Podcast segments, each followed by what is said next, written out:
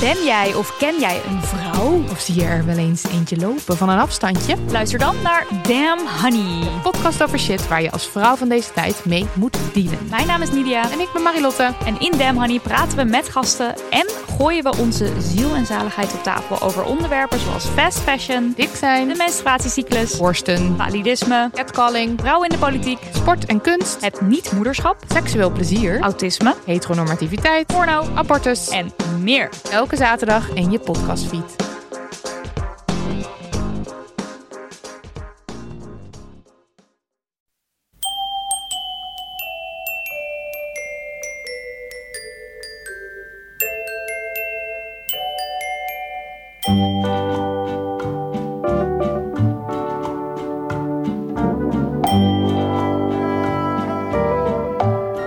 Welkom bij aflevering 272 van Echt Gebeurd.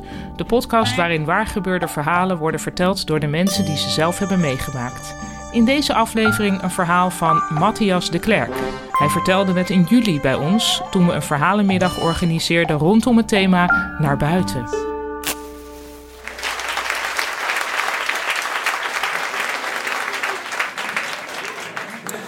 Voorjaar 2019, ongeveer een jaar geleden, eh, ben ik op Urk. Dat is dat vreemde dorpje aan de rand van het IJsselmeer. Het is zondagochtend en ik ga een kerkdienst binnen. Het probleem is dat alle achterste banken, alle zitplaatsen zijn al ingenomen en er rest mij geen andere optie dan me vooraan in de kerk te zetten. Dat vind ik niet fijn, want dan voel ik altijd de ogen in mijn rug priemen, wat later ook zal blijken. Nu, de vraag is natuurlijk, wat doet een Vlaming uh, op Urk op zondagochtend? Wel, ik heb een hele vreemde geschiedenis um, met dat dorp. Namelijk tien jaar eerder, in 2009, toen ik um, journalist was voor de krant De Morgen, dat is een beetje zoals de Volkskrant hier, uh, kreeg ik op een bepaalde zondagavond telefoon van de hoofdredacteur. Ik was nog maar net begonnen, ik was uh, pril en naïef. En die man belde me en zei: De Klerk, jij bent klaar voor je eerste echte buitenlandse opdracht. Ik dacht, ja, fantastisch. Ik ga naar Panama, ik ga naar Brazilië. Dit wordt het. En toen zei hij, uh, ja, jij gaat naar Urk. Ja, ik ga naar Urk. Nu, je moet weten, ik ben opgegroeid in het diepere westen van Vlaanderen, in een heel beschermde omgeving. Um, katholieke omgeving en het huisje, tuintje, boompje, pad lag eigenlijk voor me klaar. Nu, ik had er weinig zin in. Ik dacht, uh, ik ga de wereld zelf wel veroveren en ik hoopte dus via de journalistiek de wereld te veroveren, of toch tenminste de wereld al te zien. Dus Urk, ik dacht, ja, dat kan niet fout lopen. Hè. Het is in mijn eigen taal, dacht ik. En um, het is niet zo ver weg, ik kan er met de auto naartoe. Maar zodra ik er eigenlijk aankom op Urk, lukt het helemaal niet. Uh, ik had nog geen smartphone op dat ogenblik. En um, ja, ik wist dus in alle eerlijkheid niet dat de Zuiderzee eigenlijk het IJsselmeer is. Um, ik had nog nooit gehoord van de gereformeerde gezinten. Ik wist ook helemaal niks van uh, visserij. En mijn opdracht was om de ziel van het dorp bloot te leggen. Ja, um, wel, dat, dat lukte dus helemaal niet. En ik ben teruggekeerd naar Vlaanderen met veel meer vragen dan antwoorden. En dat is niet de opdracht van een journalist. Goed, um, ik, ik, voelde dus eigenlijk dat ik gefaald had. Ik was het jongetje dat de wereld zou veroveren en het lukte niet eens op Urk. Ja, dat heb ik daar wel geleerd, dat het op Urk is. En ja, de eerlijkheid gebiedt mij te zeggen dat de tien jaar uh, nadien, tot vorig jaar, uh, dat ik me daar niet goed bij voelde. Ik had altijd het nare herinneringen aan Urk en ik wilde eigenlijk de cirkel rondmaken en teruggaan. Ja, ik ben vorig jaar teruggekeerd, niet om een artikel te schrijven, maar ik had plots een nog veel groter plan. Ik ga er een boek over schrijven uh, meteen. Dus um, vorig jaar, voorjaar 2019, ik zit in die kerk, ik draai me om en ik kijk in de ogen van een zwarte muur aan mensen en ik lees in hun ogen, jongen, wat doe jij hier? En ja, ik, ik heb dus nog veel groter probleem dan in 2009. Want toen moest ik er een artikel over schrijven en dat lukte niet. En nu, tien jaar later, heb ik mezelf opgezadeld met... Um, heb ik fondsen om dit boek te schrijven. Heb ik een uitgeverij achter mij. En heb ik dus hetzelfde probleem, want je kan wel zwaaien naar iemand en je kan wel eens zeggen, hoi, het is goed weer vandaag. Maar op die manier ga je dus niet de ziel van het dorp uh, blootleggen. Bijkomend probleem is dat ik daar op Urk ja, natuurlijk was ik de totale vreemde. Want zodra ik mijn mond open doe en iedereen hoort Vlaams, werd ik daar al aangekeken van oei, uh, dit klopt precies niet. En het Urkers is ook een soort mengeling tussen Kazachs en Oezbeeks aanvankelijk, dus ik, ik, begreep er echt niks van. En ja, in mijn ogen, ik voelde me ook helemaal de ander. Want um, ja, die Urkers die zijn allemaal sterk, die hebben allemaal jeans en sneakers en die rijden helmloos op een brommer door het dorp, hebben zo'n gouden kotteroorbel in. En dan gaan die allemaal naar de kerk op zondag en dan is het vrijdagavond, dan komen die visserlui helemaal moe gestreden thuis van een week hard werken. En dan loop ik daar met mijn hippe brilmontuur en mijn notaboekje om de ziel te ontbloten. Dus dat was, uh, ja, dat was eigenlijk wel echt een dik probleem. Maar dan deed zich eigenlijk op een gegeven ogenblik een fantastische kans voor. Ik kon een week mee op zee vissen met die mannen.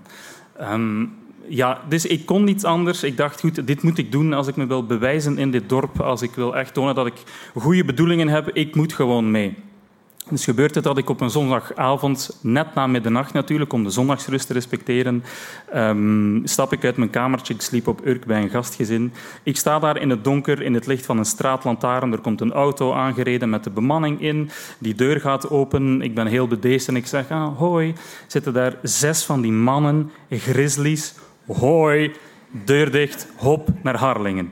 Goed, we komen daartoe in die haven en... Um, ik besef gewoon voor mezelf van, hey, hier staat zoveel op het spel, dit moet goed komen. En ik was al de ander in het dorp. Ik was al ook de ander in, in dat, dat, dat bestelbusje waar iedereen naar me keek. En ik was ook de ander in de kombuis. Want ik zit daar en echt, ik kijk om me heen en daar zitten die mannen, die zeggen niets. Die zijn een meter breed, die hebben van die armen als regenpijpen, een gouden halsketting en tatoeages. Ja, en ik zit daar, ik ben ongeveer zo, zo, breed als een fietspomp. En op een gegeven ogenblik vind ik er niks beters op om mijn intreden daar een beetje te vergemakkelijken. Ik klap mijn oren naar binnen. Ja, goed, dat klinkt een beetje vreemd. Maar ik klap mijn oren naar binnen, want er hangen pleistertjes achter mijn oren om niet zeeziek te worden. Ik denk, ik zeg het meteen, ik kan dan later ook gewoon niet betrapt worden. Dus ik zit daar, ik klap mijn oren naar beneden en ik zie die mannen echt naar mij kijken van... Jongen, jongen, jongen, dit wordt hier alleen maar erger. Dus ja, het gaat niet goed. Um, het gaat ook niet goed als ik dan een beetje later in, de, in de, mijn kajuit lig in mijn houten kooi uh, te wachten tot ik de eerste keer aan dek moet om te werken. Ik lig daar te schudden in die houten kooi, van boven naar beneden, van links naar rechts. Een beetje verder ligt, uh, ik ben ook al misselijk aan het worden, dus die pleistertjes hielpen ook niet echt. Een beetje verder ligt daar ook al een medebemanningslid, een zwaar gereformeerd blad te lezen, de wachter Sions. Die man zegt niets tegen mij en dan gaat de bel een eerste keer. Dus ik denk, goed, uh, het is niet erg, het komt nog wel goed, het komt nog wel goed. Die bel gaat en die bel gaat op zo'n schip ieder anderhalf uur. Dus ieder anderhalf uur um, moet je aan dek om de vis uh, te verwerken. De bel gaat, ik ga naar buiten, net als de andere bemanningsleden, hop de laarzen in, zo'n oliepak aan. Ik ga naar buiten en ik zie dat aan weerskanten van het schip die grote uh, zakken vol vis um, uit het water oprijzen. Die worden zo neergestort in een metalen bak. Die metalen bak staat in verbinding met een lopende band. En daar staat de bemanning klaar om de vis um, te versnijden, levend. Ik moet er ook nog bij vertellen dat ik een vegetariër ben. Uh, dat is niet onbelangrijk. Um, dus goed, ik had op Urk al vis gegeten. Ik kan u zeggen, moest ik daar geen vis gegeten hebben, dan was ik nog veel vroeger thuis dan nu het geval was. Dus ik sta daar en ik denk, kom aan man, kom aan, je kan het. Uh, die loopt de band, schiet in gang en daar passeert zo'n dikke, spartelende school, echt zo groot als een dienblad. En ik voel de druk van de medebemanningsleden, dus ik grijp die vis. Iemand reikt me een mes aan en die zegt, ja, kom, begin er maar aan. Ja, ik pak die vis vast en ik kijk die vis in de ogen en die denkt man, kort en krachtig. Hè? Uh, ik pak dat, dat mes en ik voel van kom, nu, mag je, nu moet het gebeuren. Tjak, ik steek dat mes in die vis. Ik snij het naar beneden en ik begin daar te sukkelen aan die band, want die ingewanden moeten eruit en de lever en de darmen en de maag. En waar zitten de lever, de darmen en de maag? Dat weet ik niet. En ik sta er ondertussen verder te snijden en, en ik zie die vis denken van jongen, jongen, jongen, jongen, jongen, wat, wat ben jij hier eigenlijk aan het doen? En ondertussen sta ik daar en ik voel me ook zeeziek en de rest van die bemanning die staat daar rond die, die lopen de band te roken en te zingen van Urk, dat is een zoetendal, wie er is, die blijft er al. Gaat het jongen en ik sta daar met die kapotte vis helemaal. En ik denk van ja dit, ja, dit kan niet. Maar het kan wel. Want uur na uur Dag na dag vergeet ik mijn principes, snij ik daar zieloos en hersenloos al die vissen in de prak.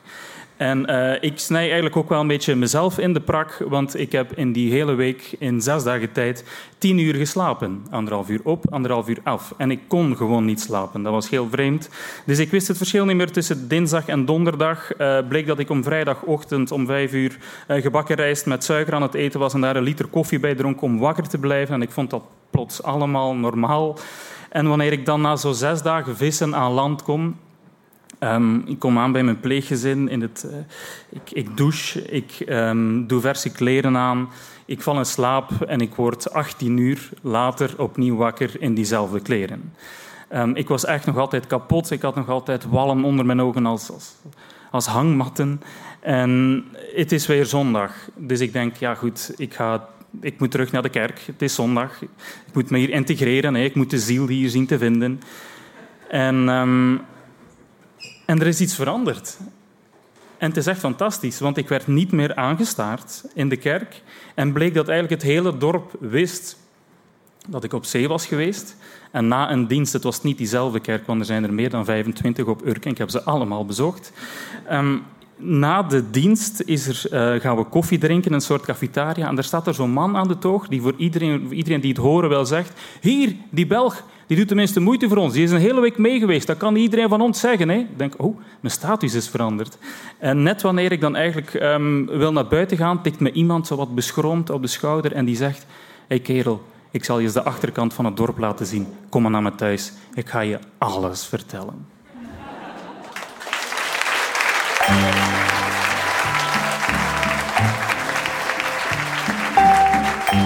Je hoorde een verhaal van Matthias de Klerk. Matthias is journalist en schrijver. Vijf jaar geleden debuteerde hij met De Val. En afgelopen dinsdag verscheen zijn tweede boek, het boek waarvoor hij naar Urk verhuisde. Het is verschenen bij uitgeverij Podium.